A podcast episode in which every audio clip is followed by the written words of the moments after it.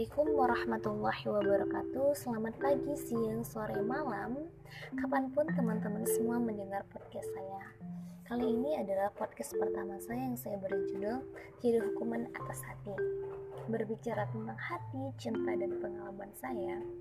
Hmm, Ada sebuah pertanyaan yang ekstrim yang selalu diberikan kepada saya Dan ditanyakan oleh teman-teman saya mulai dari saya jauh banget dari Islam sampai hari ini saya tertatih masih mempelajari Islam pertanyaannya adalah apakah saya pernah jatuh cinta Oke, okay, jujur saja saya belum pernah jatuh cinta.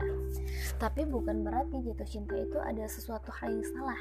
Tidak, jatuh cinta itu ada fitrah dari manusia yang diberikan oleh Allah. Istilahnya adalah gurijoh nawu kita diberikan sebuah fitrah yang di mana fitrah itu memang sudah ada dari kita lahir. Tapi bukan semata-mata fitrah itu tumbuh begitu aja tidak.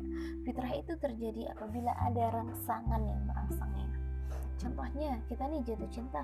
Gak semena-mena kita jatuh cinta. Harus ada wujud orangnya loh yang merangsang kita untuk jatuh cinta. Misalnya, ada laki-laki soleh, tampan, atau laki-laki yang menarik perhatian kita, yang merangsang kita untuk jatuh cinta. Jadi, jatuh cinta yang ada di hati kita itu tidak dihukumi tapi yang dihukumi itu adalah bagaimana cara kita menyalurkannya.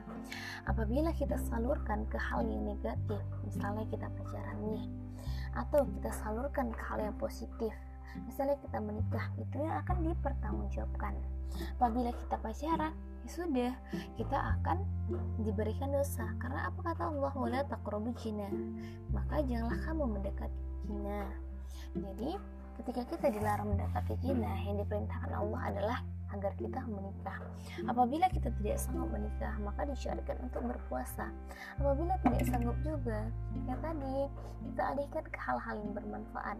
Kita ikut kajian, menulis buku, buat podcast misalnya, atau kita berkumpul dengan teman-teman kita, melakukan bakti sosial atau apa pun yang mengalihkan rasa kita. Kayak tadi, karena hati itu tidak dihukumi, tidak hukuman atas hati, hati kita tidak akan dihukumi. Tapi yang dihukumi adalah bagaimana cara kita menyikapinya, bagaimana kita menindaklanjuti tentang hati kita. Oke, kepada teman-teman yang sedang jatuh cinta, saran saya jika sudah jatuh cinta, maka menikahlah. Tapi apabila belum sanggup menikah, maka berpuasalah. Jika belum sanggup juga, ya sudah, nah, ikut aja kajian-kajian lah yang ada di lingkungan kita, atau kita menulis, buat podcast dan sejenisnya. Semoga bermanfaat. Assalamualaikum warahmatullahi wabarakatuh.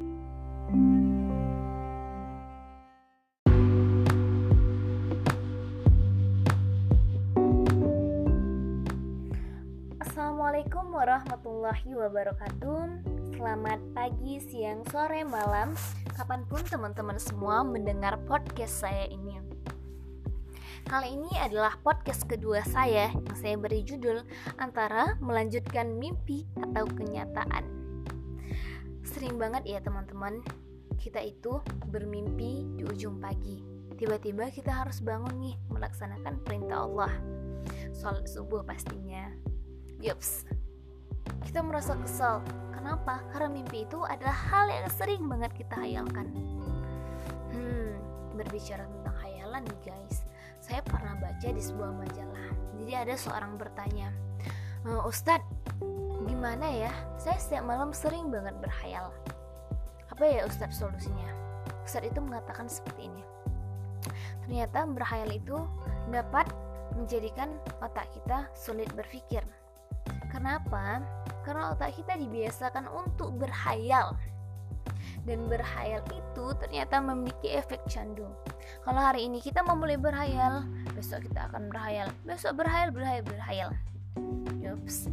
Jadi guys, hmm, saran saya kepada kita semua, karena saya juga pernah loh merasakan hal yang sama, ya memang candu banget tapi sekarang saya berpikir, itu apa sih saya berhayal? Saya punya dunia nyata. Dunia yang akan saya pertanggungjawabkan kepada Allah Subhanahu wa taala. Dan dunia nyata ini yang menulis skenario saya adalah Tuhan sebaik-baik pemilik pembuat skenario. Waps. Itu tadi guys. Jadi Kita selama ini benar-benar berancang hayalan kita, tapi kita lupa ada dunia nyata yang harus kita pertanggungjawabkan. Sehingga kepada teman-teman yang sampai sekarang masih sering berhayal, stop berhayal.